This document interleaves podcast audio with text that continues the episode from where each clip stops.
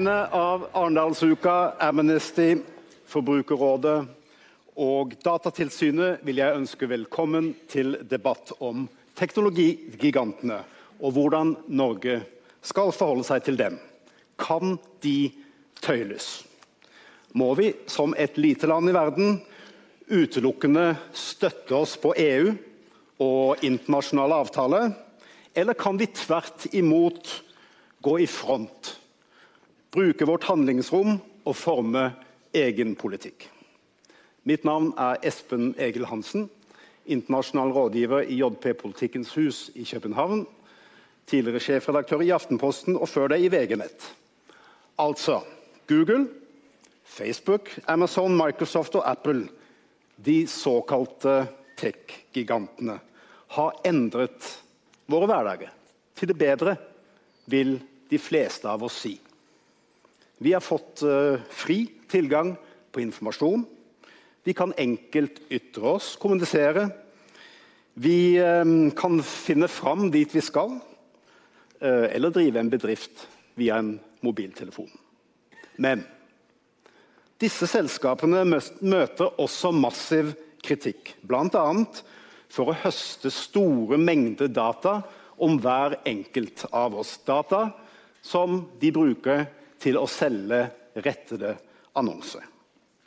De blir kritisert for å begrense ytringsfriheten, for å manipulere forbrukere, for å ikke betale nok skatt, for å misbruke sin markedsmakt for å spre desinformasjon osv. osv. Etter snart 20 år med politisk avmakt så har det nå begynt å skje ting. Og EU går i front. I år har de vedtatt to reguleringer som har til hensikt å temme disse tech-gigantene. Gjennom regler for hva de får lov til, og hva de ikke får lov til. Og helt aktuelt, på denne, på denne scenen i går kveld sa lederen for Ytringsfrihetskommisjonen, Kjersti Løken Stavrum, at Internett er den nye infrastrukturen for ytringsfrihet.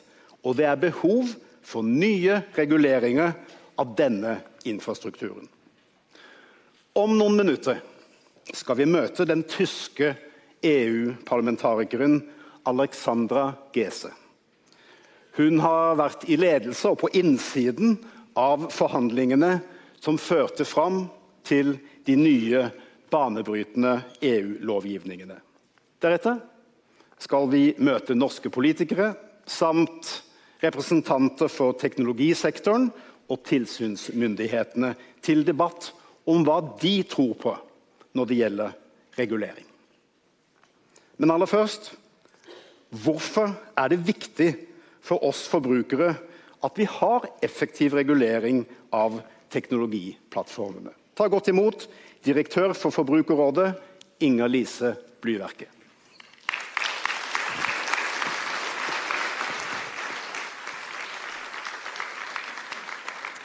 I have a confession to make. Jeg vet det ikke er bra for meg. Jeg vet jeg burde slutte. Jeg vet ikke bare er meg det går utover når jeg gjør det. Jeg vet, jeg vet, men jeg bare orker ikke likevel. Det blir så uendelig mye hassle hver gang jeg prøver å gjøre det riktige. Da får jeg nemlig ikke gjort det jeg skal gjøre. Jeg går meg bort, forviller meg inn i et eller annet jeg ikke aner helt hvordan jeg skal vikle meg ut av det. Jeg har jo prøvd gang på gang, men nå har jeg gitt opp. Og jeg tipper det er flere her som opplever det samme. Vi bare trekkes mot det, klarer ikke å la være. Ja, vi trykker 'godta', 'aksept', 'jeg forstår'. Bare for å komme videre i livet, rett og slett. Og for meg føles det ikke bra. Jeg jobber jo i Forbrukerrådet, som i flere år har arbeida systematisk for å avdekke hva som faktisk skjer når vi gjør akkurat det jeg gjør. Og det er en fattig trøst at jeg ikke er alene. Det gjør det bare enda verre, egentlig. Særlig fordi jeg jo vet at det vi gir fra oss i sum, er uendelig verdifullt. Teknologiselskapene ønsker å finne ut mest mulig av meg for å kunne forutse hva jeg liker og ikke liker. Og ved systematisk, slik at de kan holde på oppmerksomheten min og helst vise meg annonser og budskap som påvirker meg til å bruke mest mulig penger og tid. Dette er den rådende forretningsmodellen for Internett i dag. Og annonser som spionerer på oss, dominerer. Ved systematiske brudd på personvernreglene etableres det et marked der astronomiske summer i praksis er i omløp. Man gjør big business på deg og meg. At jeg har hytte på Trysil, er gift med en dame, er mer enn middels opptatt av friluftsliv og de siste dagene har vandret rundt og rundt på en gressflekk på Tøyen i Oslo, er blant millioner av infopunkter som dominerer og definerer min verdi på annonsebørsene. Og hver gang jeg trykker 'godta', 'accept', 'jeg forstår', så bidrar jeg aktivt til at det kan gjøres enda mer penger på meg. For som gjennomsnittsnordmann dere, blir jeg gjenstand for en budrunde omtrent 340 ganger om dagen. Det betyr at opplysninger om meg, som hvor jeg befinner meg, og mange andre tilsynelatende uviktige detaljer i mitt liv, deles med hundrevis og potensielt tusenvis av aktører for at de skal vurdere om jeg er sannsynlig til å se på en annonse når jeg bruker en app eller besøker en nettside. Inni dette markedet av personopplysninger er det Facebook og Google og en rekke andre selskaper som fungerer som børser hvor tilgang til mine data kjøpes og selges. Som Mopub. Har dere hørt om dem? Jeg har, rett og slett fordi jeg jobber i Forbrukerrådet som står bak rapporten Out of Control, der vi avdekket hvor enormt stor denne bransjen er. Og samtidig hvor komplett usynlig den også er. De selger og shopper, og jeg er produktet. Og den kunnskapen som de får om deg og meg, er makt. Og makt kan alltid misbrukes, og blir det. Et eksempel. I 2020 så klaget vi i Forbrukerrådet inn sjekkeappen Grinder og fem annonseteknologiselskap, bl.a. Mopub, for spredning av informasjon om brukerappen. Vi dokumenterte at informasjon om seksuell orientering ble delt fullstendig ute av kontroll og etter vår oppfatning klart ulovlig. Datatilsynet i Norge ga oss rett. Grinder må betale 20% av sin globale omsetning som straff for lovbruddet. Rekordstor bot, svært viktig. Men for fremdeles så går jo selskapene som de har delt denne informasjonen med, fri. Over to år etter at klagen ble sendt inn, opererer de som før. Trusselen om håndheving er såpass lav, ja nærmest ikke-eksisterende, at det lønner seg å fortsette. Selv om loven brytes, faktum tilnærmet er avklart, skadevirkningene er kjent og risikoen for at kunnskapen misbrukes når vi er på vårt mest sårbare, er stor. Kommersiell overvåkning og teknologiselskap som bryter våre rettigheter, rammer oss alle som forbrukere, men også som mennesker og samfunn, og som Amnesty har påpekt, det bryter med flere grunnleggende menneskerettigheter. Selskapene kan utforme budskap i forsøk på å nå oss når vi er mest mottakelige. Om det er ved politiske valg eller gjennom reklame for slankeprodukter, usunn mat eller pengespill. Og Det igjen bidrar til økte muligheter for diskriminering. F.eks. ved at personer ekskluderes basert på inntekt, kjønn, etnisitet eller seksuell orientering. Eller at enkelte av oss må betale mer for en tjeneste eller vare enn andre. Og når tusenvis av selskaper for det er så mange, sitter på enorme mengder personopplysninger, så øker også risikoen for identitetstyveri, svindel og utpressing. Nato har da også pekt på, på at denne datainnsamlingen utgjør en sikkerhetsrisiko. Noe skjer, men ikke nok. Noe skjer, og kanskje særlig i EU og delvis i USA. Og dere, jeg er ikke beskjemmet over å si at Forbrukerrådet har en aksje i det. Gjennom grundig dokumentasjon, rapportering, klager og kampanjer bidrar vi i hvert fall til at endring skjer. Og vi spiller på et stort internasjonalt nettverk som lett lar seg mobilisere på tvers av landegrenser. Forbrukerrådet lar oss ikke stoppe av at vi er en liten organisasjon i et ikke-EU-land. Vi vet nemlig at det nytter å engasjere seg. En slik terrierholdning savner jeg hos norske myndigheter, og kanskje særlig hos norske politikere. Og Derfor er min klare oppfordring dere til panelet etterpå, og ikke minst næringsminister Vestre og partileder Melby Probably it's not only me you have a confession to make. But what's even more important, you, altså Wester og Melby, have a commitment to make. Om å jobbe hardt, systematisk og selvstendig for å gi selskapene mindre makt, straffe dem hardere og endre de rådende forretningsmodellene for markedsføring på nett. Jeg gleder meg til dette arrangementet.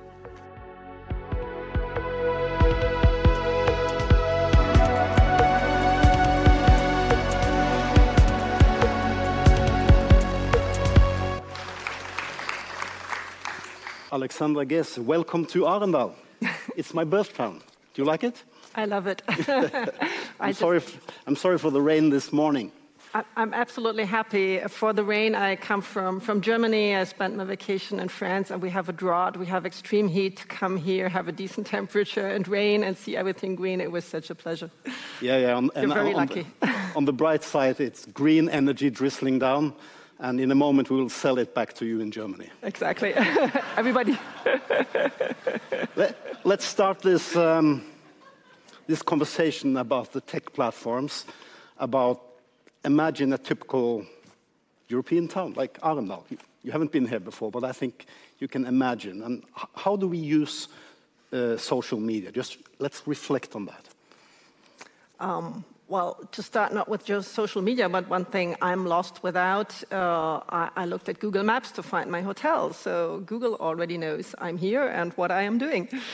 That's the first thing. You probably, uh, as, as we do in Germany or in Europe, use uh, Facebook to be informed not only about what your friends are doing and whether went to an, on vacation, but also about what your politicians are doing, what your parties are doing, what is what are the news. Uh, probably many of you see the news on some kind of social network, but also I don't know if I, something I noticed recently. I try to meditate from time to time because politicians should come down and calm down and have time to think and so on. So I have an app that helps me. And until a few a month ago, I just paid for the app and it provided me with, with helpful meditations. And then at a certain point, it started asking me to register, and I was already skeptical because I know what apps can do with my data. And well, I still did that. And then it started asking me every time I wanted to meditate So, how do you feel today? Do you feel depressed? Did you do any sports? How did you sleep? And I said, Why do you need to know all this in order to have a meditation, to give me a meditation time? You don't. What are you doing with this data? And that's pretty sensitive data. Exactly. And then we do Google search plenty of times every, every day. Uh, I would guess that many of the parents groups in, in school, they have a little messenger group to communicate. And maybe even the school you will use G Suite uh, from, uh, from Google or, a- of- or a Facebook group and, uh, and so on. It's really integrated in our everyday life, right? Absolutely. So, with all these positive, great things, so why is this a problem? because we could ha- have all this knowledge, all this possibility to communicate, to share, without having a few global companies taking, collecting our data and putting that data together into big profiles and broadcasting those profiles that may say something about where my doctor is, and that in some towns is quite interesting, which doctors I go to, who am I friends with, which restaurants I go to, combine all that information and broadcast it to the world very regularly, hundreds of times a day. And that data that is broadcast to the world can not only be used by Google and Facebook, it can also be used not only by advertisers who are trying to sell us a pair of sneakers, but also to what are called malicious actors. Think, for example, the Russian government or Russian actors that want to spread disinformation in a certain European country. They know exactly who are the people who would be most sensitive to that kind of information, who would be most interested, and who would be most inclined to believe a piece of disinformation, for example, about the war. So they will send it out first to those people. And then those people start to circulate that information in the internet very strongly until it gets a lot of engagement, so people look at it, and then the, the, companies like Facebook, Instagram pick up on, oh, this is a piece of information that circulates very quickly, and it keeps people hooked to the net. So let's enhance it, let's, let's disseminate it to even more people so we can show people more advertising. And then this piece of disinformation ends in the mainstream because journalists say, oh, this is something people are talking about in the net. This is interesting. Let's put it in the papers and discuss it. And then it's out in the world and people start believing, and it's hard to get rid of. So this really influences our political choices, what we discuss about in, in the public realm. You represent the Green Party in the European Parliament, and you work with technology. It's your, uh, it's your field, and you have been central in negotiating these two new laws, the Digital Service Act and the Digital Market Act. We just learned GDPR. Now we have to learn this. So on 10,000 feet, what is DSA and DMA?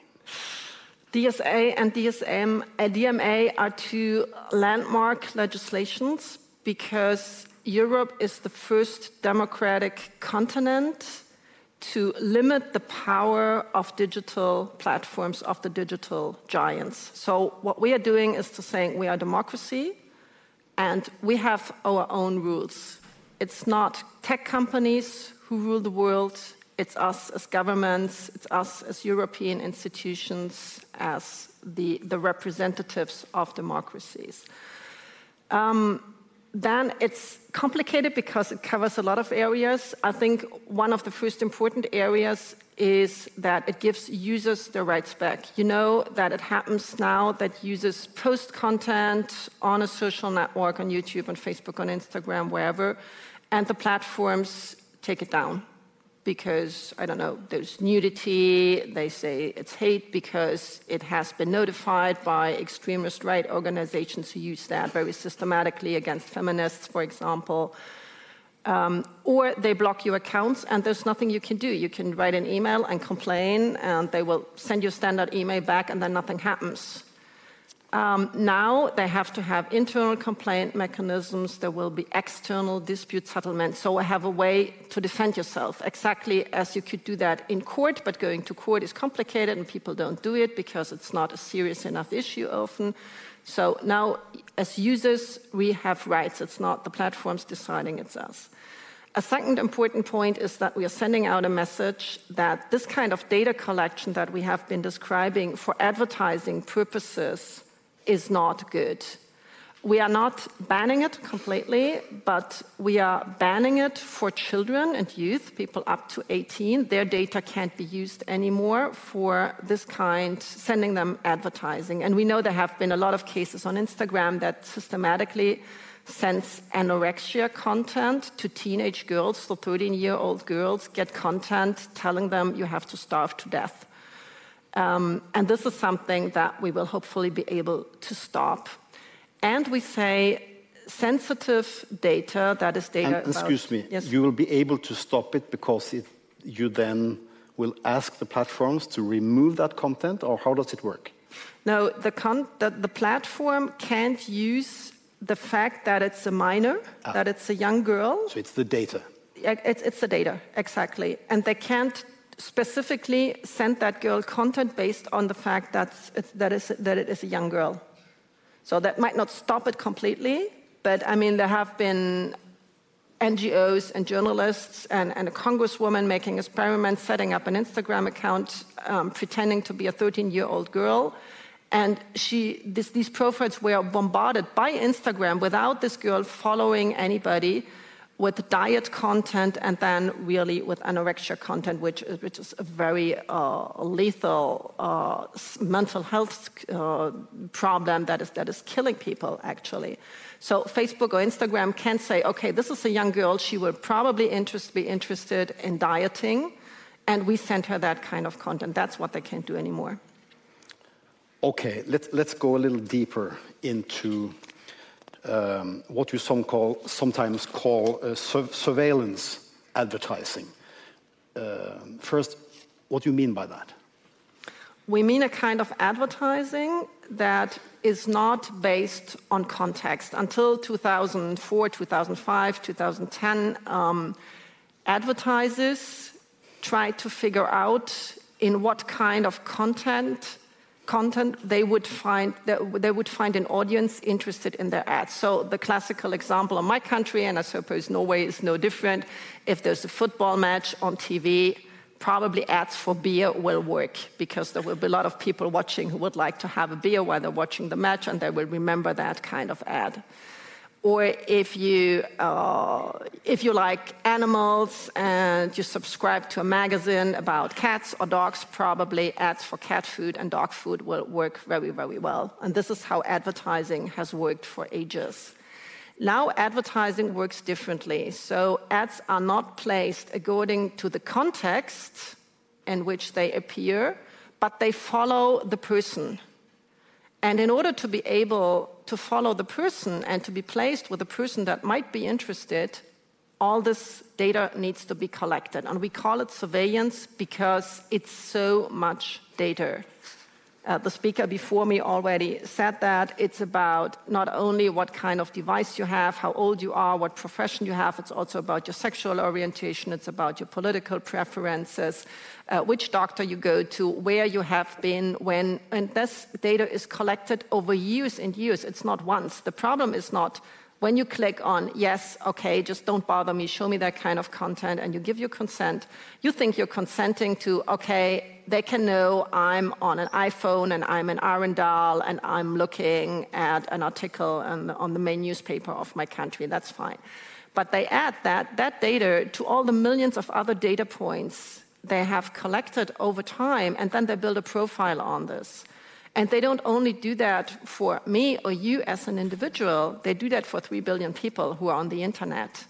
And that is surveillance because that gives a few global companies the possibility to manipulate entire societies and especially to sell that data or to offer that data to look at to companies or political actors who would want to do that. And this is what we call surveillance. This, in China, it's the state who does that, who collects all that data and keeps it just in case.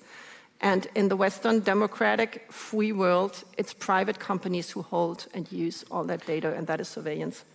But if I understand this right, the DSA, uh, it will somehow curb the platforms of collecting data and use it toward children, for example, minors and, and, uh, and uh, curb the, um, uh, they cannot harvest certain sensitive data, sexual orientation, religion, and so on. Am I right? Yes. But as such, you can still harvest data and use it for advertising today with the new DSA. It's not going to change that. Exactly. Okay.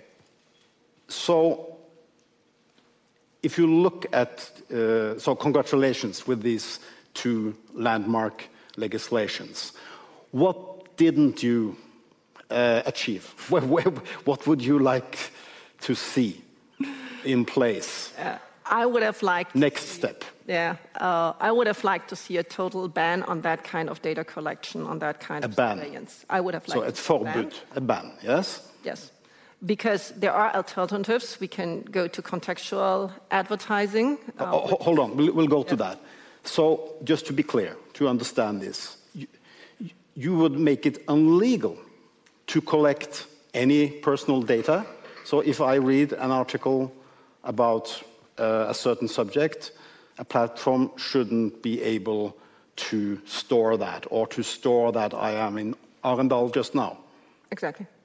Yes. Total ban. Forbidden. Yes. Okay. I'll be honest with you. I like targeting advertising. Do you? Yes, I'll give you an example. Um, I live in, in, in Copenhagen uh, just now, and I'm in the market for a city bike. And somehow Facebook and Google knows this. but I feel there's a trade-off because I get so much relevant, good information back. Uh, and advertising, small shops selling this great, great uh, hand-built uh, city bikes uh, and so on.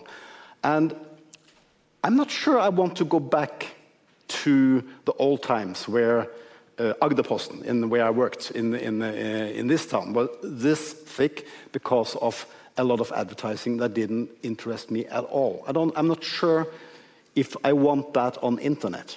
Is it only me? You wouldn't have that on the internet. Okay.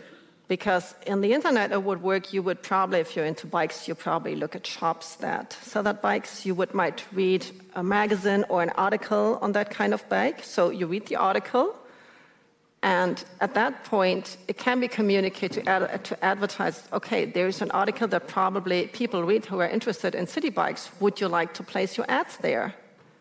But they know it's the article that would attract that kind of people, so they can show you relevant ads with beautiful city bikes and everything that goes with it without knowing who you are. They just know this is the place where the people who are interested in those bikes are. But they don't know who your partner is, where your kids go to school, whether they have special needs, and so on. They don't need to know that. They just need to know you're interested in bikes but they don't need to know that you personally are interested in bikes, but that the people who read that kind of article are interested in bikes and they place their ads there. And that works.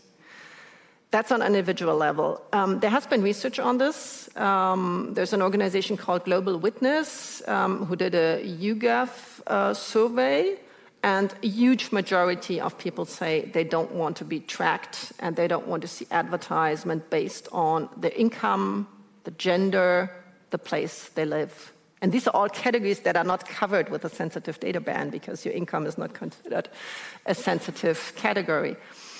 Um, we have now a field experiment going on because if you have if you have bought an iPhone within the last year or so, now when you install an app like Instagram, for example, any kind of app, Apple asks you, do you want to allow tracking by that app? Do you want that able, allow that, that app to collect your data? Globally, 80% of people that are asked that question say no. And that is very, very clear. And that's the problem with the consent regulation, the cookie banners we have now. They're so complicated that you basically have to say yes to see anything on the internet because there's no, no option without looking for it. But when you ask people an honest question, do you want this, yes or no? People say no. Small businesses that I, I have talked to, and also local media and national media here in uh, Norway, they are very skepti skeptical to the ban you are proposing because they are also using data. They argue in a responsible way, according to the rules, uh, and they fear that a ban would harm them, the small businesses, and the local Norwegian media rather mm. than the platforms, because the platforms do have context. They have huge libraries of content, and they will always have more contextual content than, for example, a local paper. Okay, that was this that a was, fair point. That was a complicated question because one thing are newspapers, okay, and the other one are small businesses. Uh, small businesses most of them don't need tracking. They need to know where their potential customers are. And as I explained with the bike example, they don't need to know who your doctor is um, and who you meet for dinner and what your sexual orientation is. They need to know that is a place in the web where people go who are interested in bikes, in dogs, in sneakers, whatever, who have that kind of income. This is where can I place my ad. And that works for local businesses, for small business, especially for local business, because they would know where the local people are at the local events, at the local newspaper, and so on. It's, it's even easier. Um, so I think that's, that's easy. On publishers, um, local newspapers are dying. I don't know about Norway, but all over Europe and also Agderposten in is the doing US. really well, I can tell you. Well, it's not a local newspaper, I guess. It's a national newspaper. No, it's a regional paper. It's a regional. A good one. regional like Norway. yeah. yeah. Pretty. I mean, pretty large region it's, down. It's big. Yes. It's big. Um, big papers don't usually have a, a, brand, and people go there because of the brand. Like the New York Times has opted out of tracking by Google and Facebook. They do a, a really reduced amount of tracking, what they call first party data. So people really give their data to the New York Times and the New York Times keeps it and don't give it, doesn't share it with Google and Facebook. So the big ones are doing this. There's a Dutch television uh, station that does the same thing. They don't, they stop tracking and they're doing very well. So it is possible. In general, local newspapers are dying everywhere because they can't compete within that system because people go directly on the internet and newspapers used to get the whole advertising revenue from themselves for themselves. Okay, that came with tons of paper, that's, that's true, but on the internet we don't need the tons of paper anymore.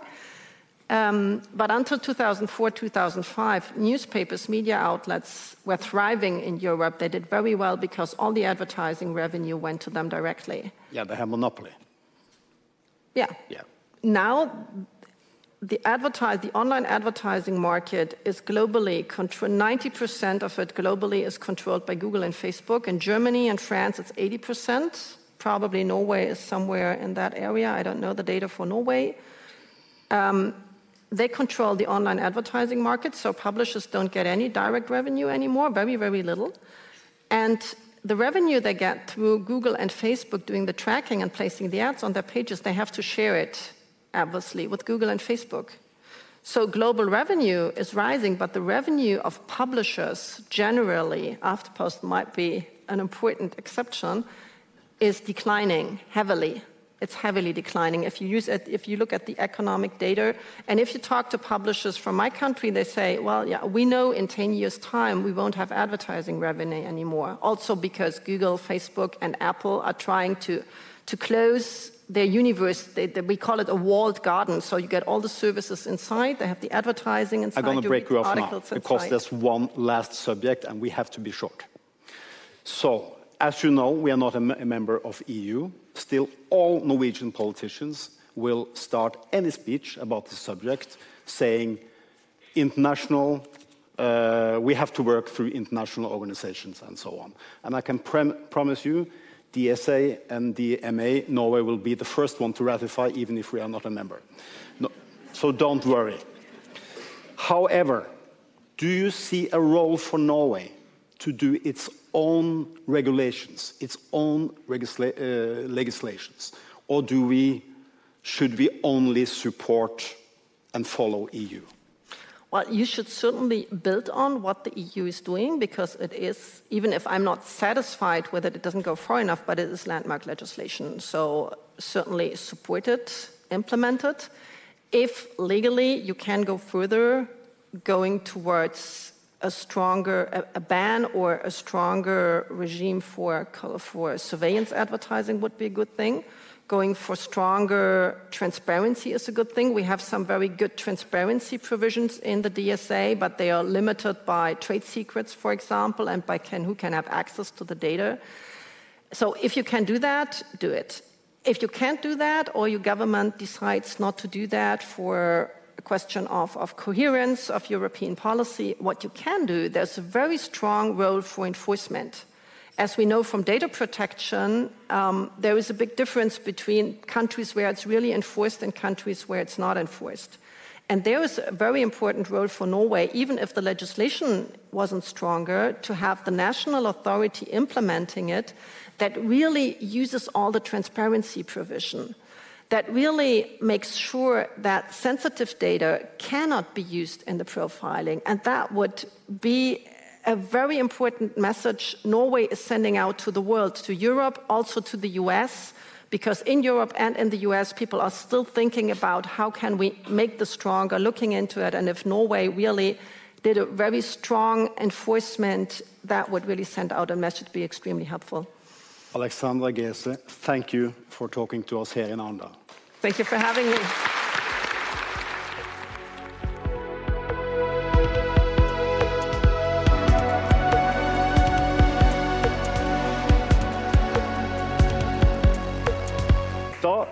Jeg ønske velkommen til panelet næringsminister Jan Christian Vestre, Venstre-leder Guri Melby, kommunikasjonssjef i Google Norge Sondre Ronander og Tobias Judin fra Datatilsynet. Velkommen. Og aller først, og temaet er jo da Tror vi på egne løsninger i Norge, eller skal vi dilte etter EU? Vestre.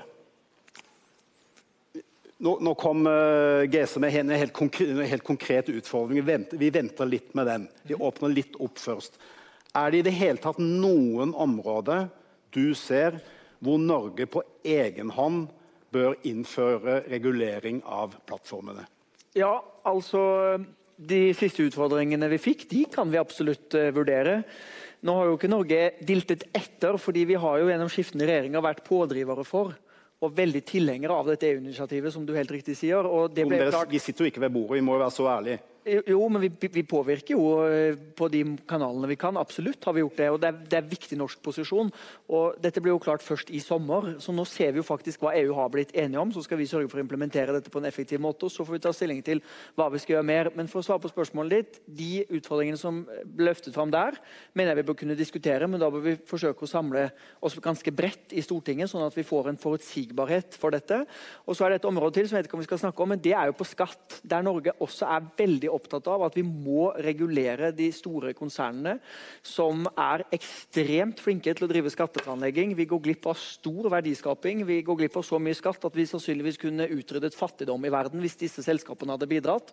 Og Der er det jo et OECD-initiativ som nå dessverre er i ferd med å liksom bremse litt opp. og Da sier vi at ok, hvis det stopper opp, så kan det være at Norge må gå mer solo og forsøke å finne egne mekanismer. Men det vil ikke være like robust og like sterkt som hvis vi får til en internasjonal enighet om det. Ja, artig at du nevnte det, fordi at i, uh, i uh, Hurdalsplattformen så har du lovt oss å gjennomføre nasjonale tiltak ved utilstrekkelig fremgang i det internasjonale arbeidet. Ja.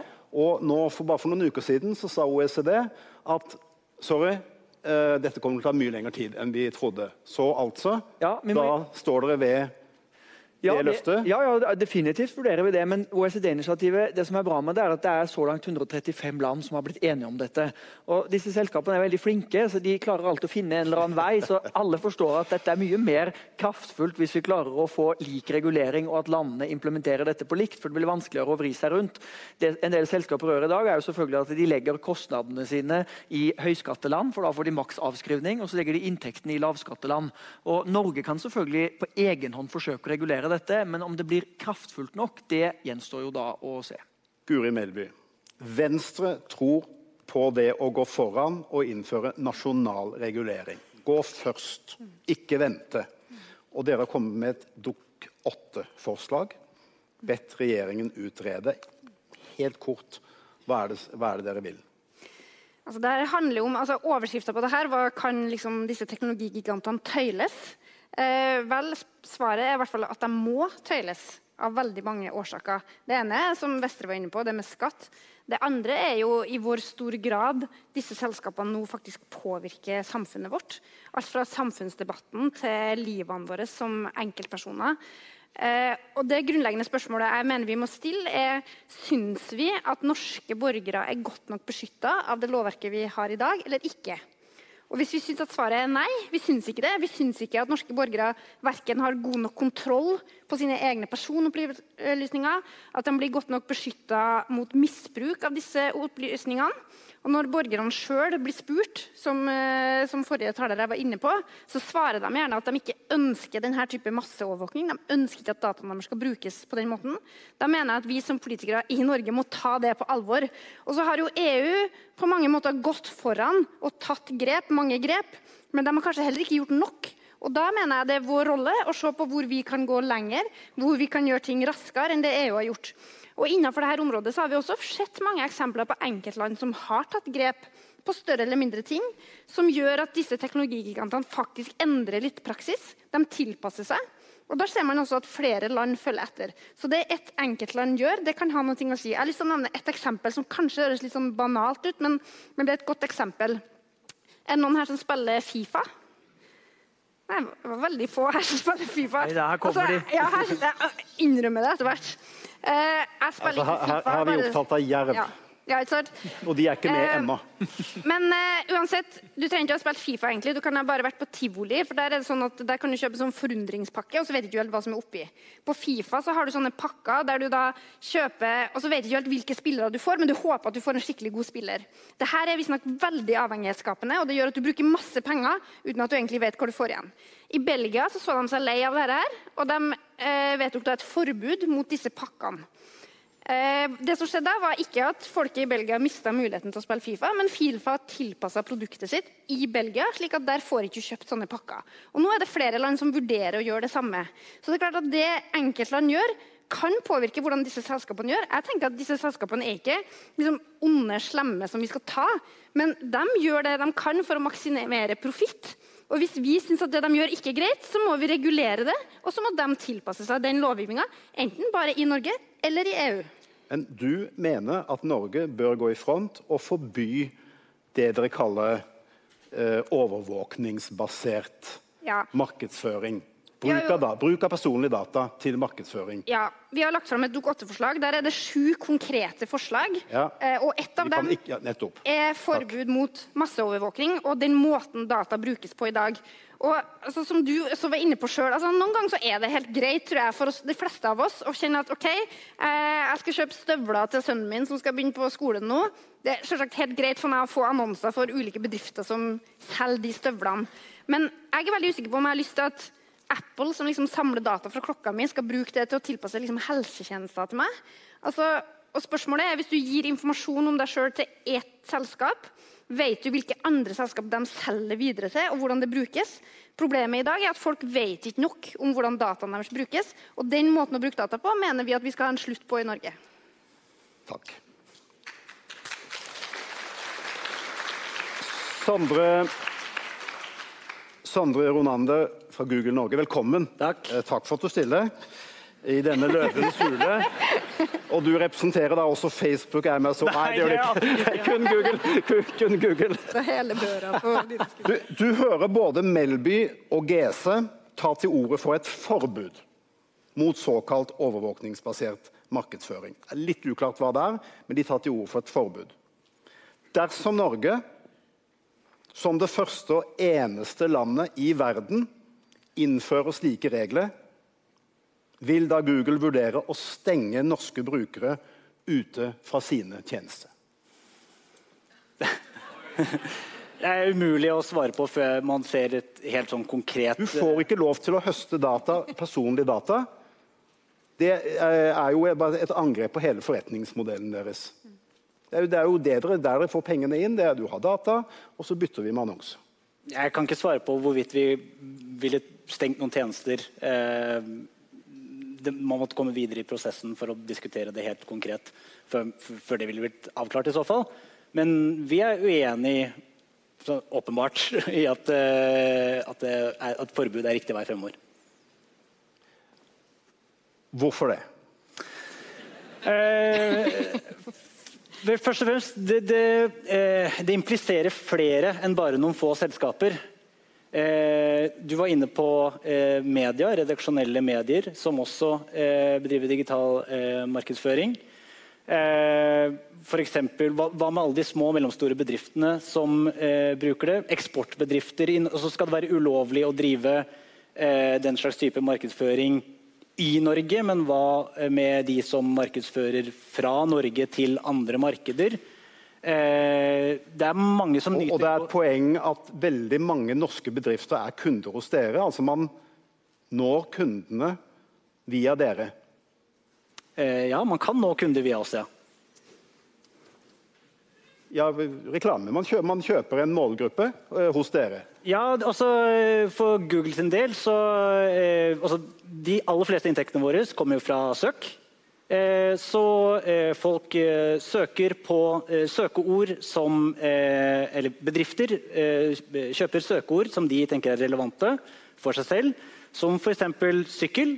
Eh, eh, vi ser at eh, du søker på sykkel, du er i København, og vi foreslår bedrifter eh, som selger sykler i København. Andre gjør det.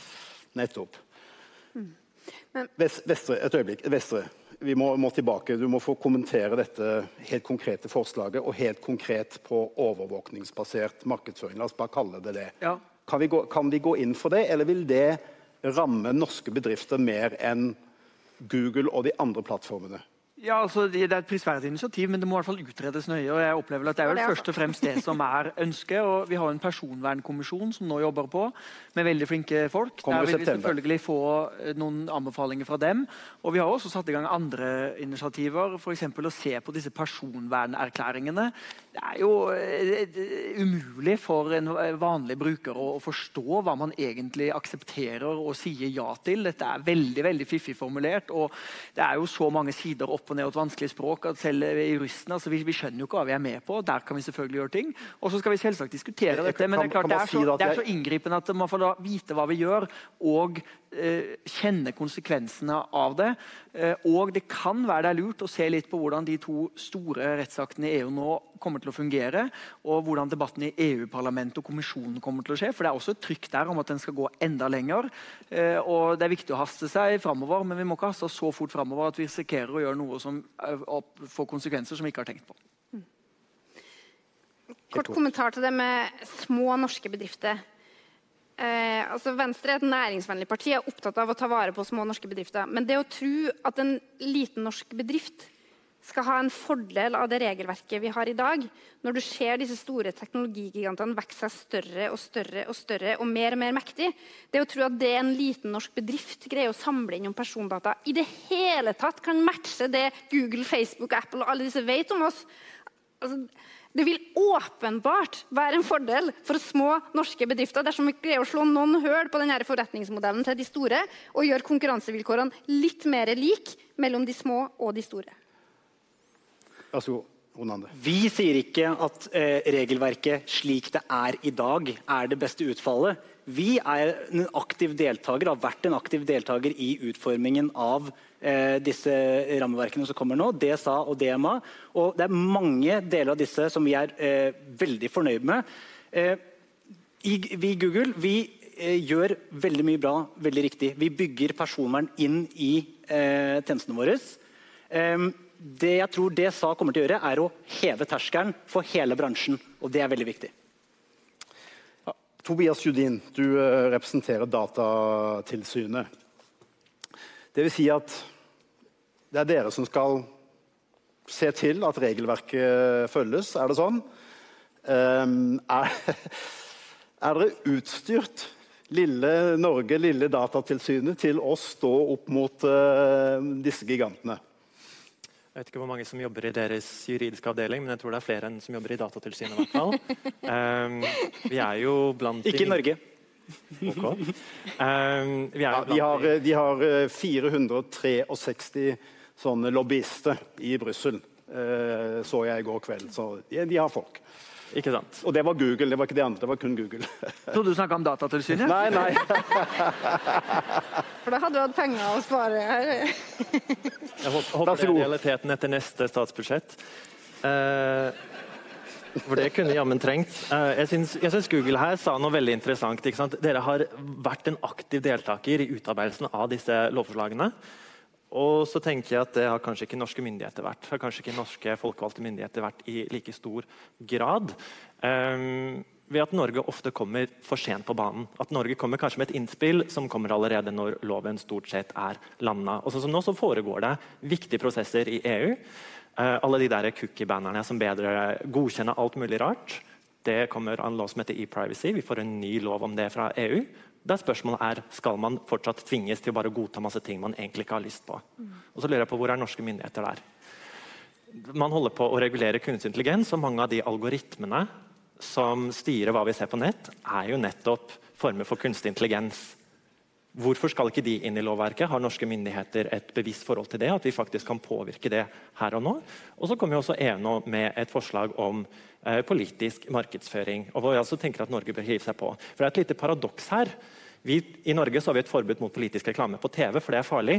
Men på sosiale medier og internett der er det greit. Der er det liksom trygt. Det er litt, litt underfundig, kanskje. Vi regulerer telefonterror. Mm, Dette er veldig strengt regulert i markedsføringsloven og i og for seg straffeloven. Ehm, Men bannerannonser det er på en måte ikke noe vi ønsker å ta i. på en måte, Og så skjønner ikke jeg helt hvordan. Og når vi vet at algoritmene på enkelte sosiale medier premierer innhold som, er, som gjør deg sinna, som er polariserende, selvfølgelig kan norske demokratisk valgte myndigheter velge å regulere det eh, sånn vi vil. Eh, og så er det også Et annet interessant poeng her er at jeg mener at mye kan gjøres med lovgivning nasjonalt. Jeg mener at vi kan være mye mye mer aktive og strategiske, sånn som Google, når det kommer til lovgivningsprosessene i EU. Men det er ikke alt som engang trenger lover. Altså, Teknologirådet har gjennomført undersøkelser av uh, norske offentlige nettsteder hvor de fant ut av noe sånt som En av tre av nettsidene de, de undersøkte, lot Google spore borgerne på internett, eller delte data med Google sin annonsebørs. Og det er kanskje fordi at du er interessert i å se okay, hvilke trygdeytelser har jeg krav på fra Nav. Altså, jeg tror ikke Nav gjør dette, men da, kunne, altså, da, da, er det offentlige nettsider som bare deler den informasjonen om at du har sett dette på de og de nettsidene. Og Det er ting som kan være ganske sensitivt, og som du ikke vil dele med dem. Uh, og jeg tror ikke det er fordi at offentlige myndigheter har lyst til å gjøre noe feil, men fordi at de mangler ressurser. Uh, de mangler kanskje kompetanse, og med tanke på hvor mange kommuner det er i landet. Uh, og, og, da tenker jeg at Her kan Norge bruke sin innkjøpsmakt. Man kan ha føringer offentlig om at dette er på en måte tjenestene vi ønsker å bruke. Vi ønsker å investere i personvernvennlig innovasjon, f.eks. Og det kan endre mye. Altså for å ta et veldig enkelt eksempel. Åtte av ti norske nettsider og norske offentlige nettsider bruker Google Analytics. I Danmark er det tilsvarende tallet 1 til 2 av 10. Og da spør jeg hvorfor er det slik? Eh, Judin, eh, hold på deg litt til. Det, dere er jo veldig strenge. Veldig flinke, da. Så hvis Agderposten vil dele data la oss si, med fotballklubben Jerv i Grimstad. De har jo ikke eliteserielag her i Arendal, stakkars. Så la oss si at de ønsker å dele data med fotballklubben Jerv. Da sier Datatilsynet da må brukeren aktivt si ja eller nei til det. Det er en av disse som vi, må, som vi får mange ganger om dagen. ikke sant? Må si ja eller nei. Men Facebook, da og, og, og, sikkert Google og de fleste av de selskapene vi snakker om nå, de har jo ikke hovedkvarter i Norge. Så da er det det irske datatilsynet som skal tolke det helt samme regelverket, GDPR. Og de er ikke like strenge som det du er. Stemmer det? Det er korrekt. Så da er det ikke noe ja eller nei på å dele, hvis, hvis du skulle gjøre noe tilsvarende, dele med fotballklubben Jerv eller en, en annonsør. For hver enkelt så må du ha samtykke. Og Det viser jo litt hvor, hvor utfordrende det er for oss å håndheve det her. og Vi har enkelte muligheter hvor vi kan påvirke. Men hvor mye lettere hadde det ikke vært både for oss, for borgerne, men også norske virksomheter, hvis man på nasjonalt nivå hadde klare regler. Dette er lov, dette er ikke lov, når du retter deg mot norske brukere. Og norsk lov den håndheves i Norge, f.eks. Vestre, her ville unge sagt at dette er urettferdig. Altså at, at, norske bedrifter de må uh, påføre brukerne sine en ulempe, mens større selskaper, fordi de har valgt å etablere seg i Irland, samme regelverk, de slipper. Sånn kan vi ikke ha det. Ja, men Dette er jo en reell bekymring som vi kan like eller ikke like. Men det er mange små og mellomstore bedrifter og aviser og redaksjoner som tar opp dette med oss. Og jeg tror ikke vi skal liksom helt undervurdere at uh, Norge driver også lobbyisme i Brussel. Vi er like nok ikke like mange, vi heller, men, men, vi er også opptatt av å ivareta norske interesser. Og vi må jo på en måte ivareta helheten. Og det er derfor jeg sier at Skal man gjøre veldig inngripende tiltak som ingen andre land har gjort Jeg liker å tenke radikalt, det, det er bra, men da må vi i hvert fall vite hva vi gjør, sånn at det ikke fører til veldig konkurransevridende effekter. Og så må det heller ikke stoppe innovasjonen. fordi at uh, nå blir denne debatten liksom at all nærmest data om brukerne er negativt. Og det kan ha negative konsekvenser. Det når det krysses og brukes. altså Skrekkeksempelet er jo liksom at eh, de store plattformaktørene vet om livsstilen din, og så kobler du det til private helseforsikringer, som gjør at prisingen og din rekkefølge i helsevesenet som avgjøres av det. Da får vi jo dette over i ekstremitetene, eller eh, nasjoner langt bortenfra de vestlige som er mer eller mindre halvdiktatoriske, som bruker dette til systematisk forfølgelse av sin befolkning. Så ja, det har noen sider, men all datalagring har jo ikke det. Og vi må jo også forutsette at Folk kan jo gjøre opplyste valg. Derfor er det så viktig for oss at disse personvernerklæringene må være skikkelig, sånn at en faktisk vet hva en sier ja til og så sier nei til. Og så sier Vi som sagt, vi er helt åpne for å vurdere om Norge skal gjøre egne tiltak, egne grep, gå noe lengre.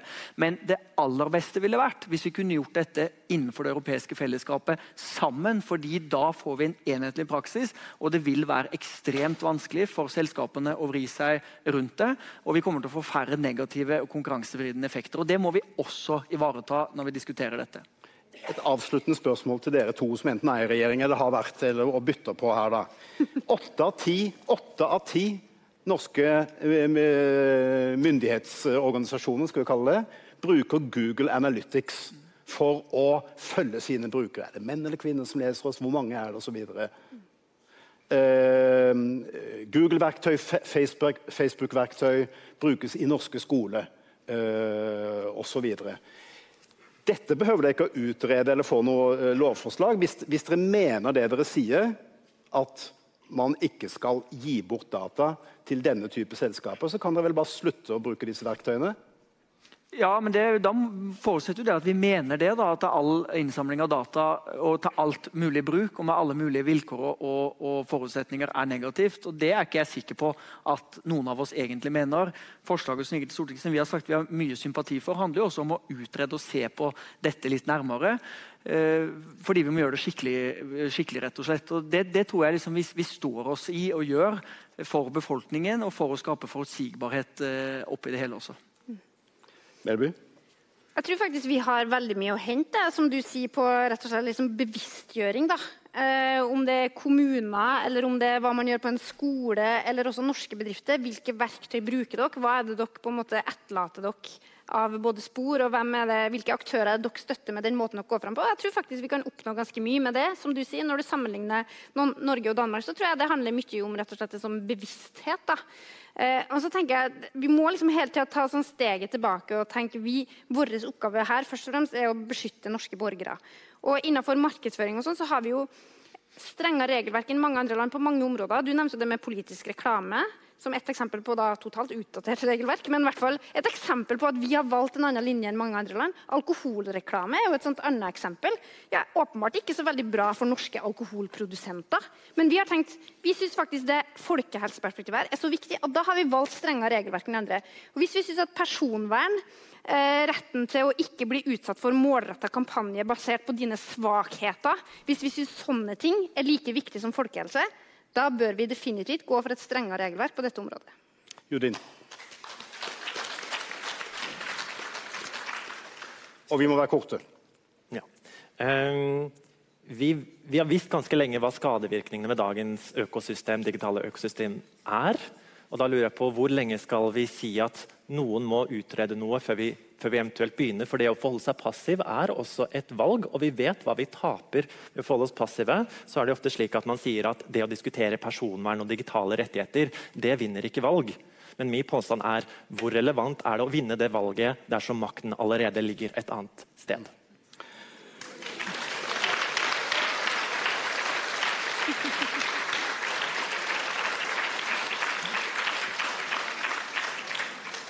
Ronander, jeg tror han sa at makten ligger hos deg. Du skal få siste ordet. Jeg kan avslutte på det, for det, eh, det er ikke tilfellet. Og det har vi sett i løpet av de siste årene. Det er EU som leder an, og teknologiselskapene de eh, er deltar, de lytter, og de implementerer deretter.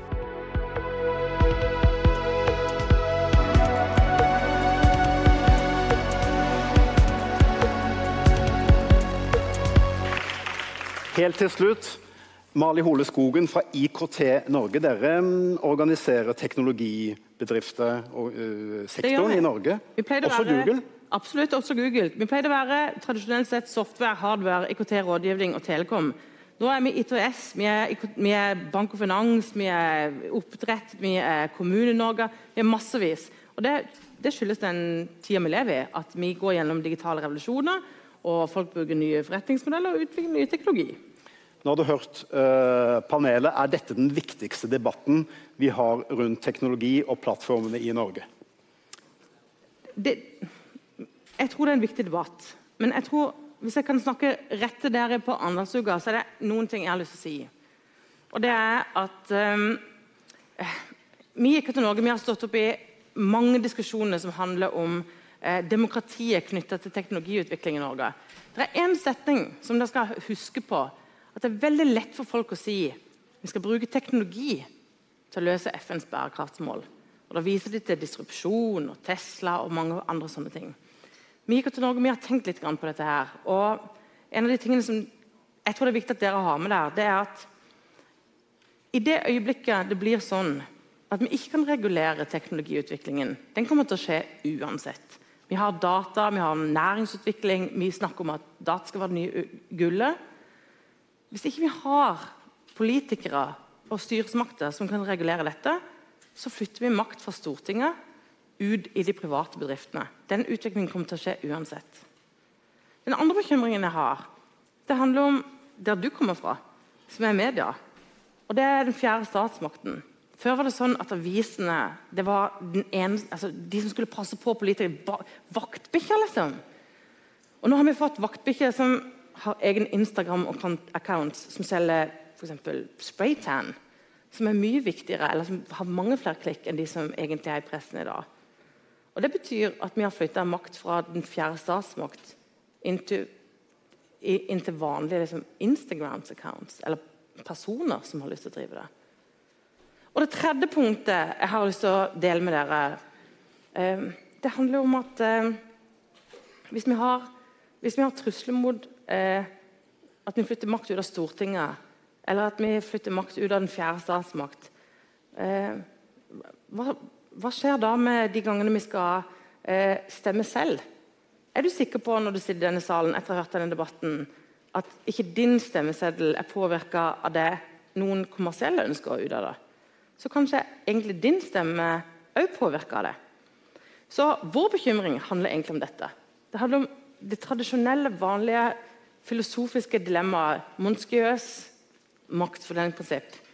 Er det sånn nå at lovgivende, utøvende og eh, eh, Lovgivende, utøvende og dømmende makt, dømmende makt nå får helt andre verdier å jobbe etter, er helt andre posisjoner å jobbe etter. Og Vi vi tror at det stemmer. Og Vi tror òg at det viktigste dere kan gjøre, hver en av oss, og òg alle de som har vært i panelet og, og vært i salen i dag, handler om kunnskapsutrustning. Det beste måten du kan bekjempe at noen eh, enten eh, gjør eh, din verdi eh, av stemmeretten dårligere, enten at det reduserer vaktbikkja eller den fjerde statsmakt eh, dårligere, eller at det betyr helt andre regler for hvordan vi, hvordan vi opererer i demokratiet. Hver en av oss trenger å lære mer. Og Det er egentlig en utfordring som Vestby har hatt. Fin utfordring. Mali Hole Skogen, tusen takk. Og tusen takk til dere. Denne, denne debatten er ikke over, den har bare så vidt begynt. Men dette arrangementet er over. Takk for i kveld.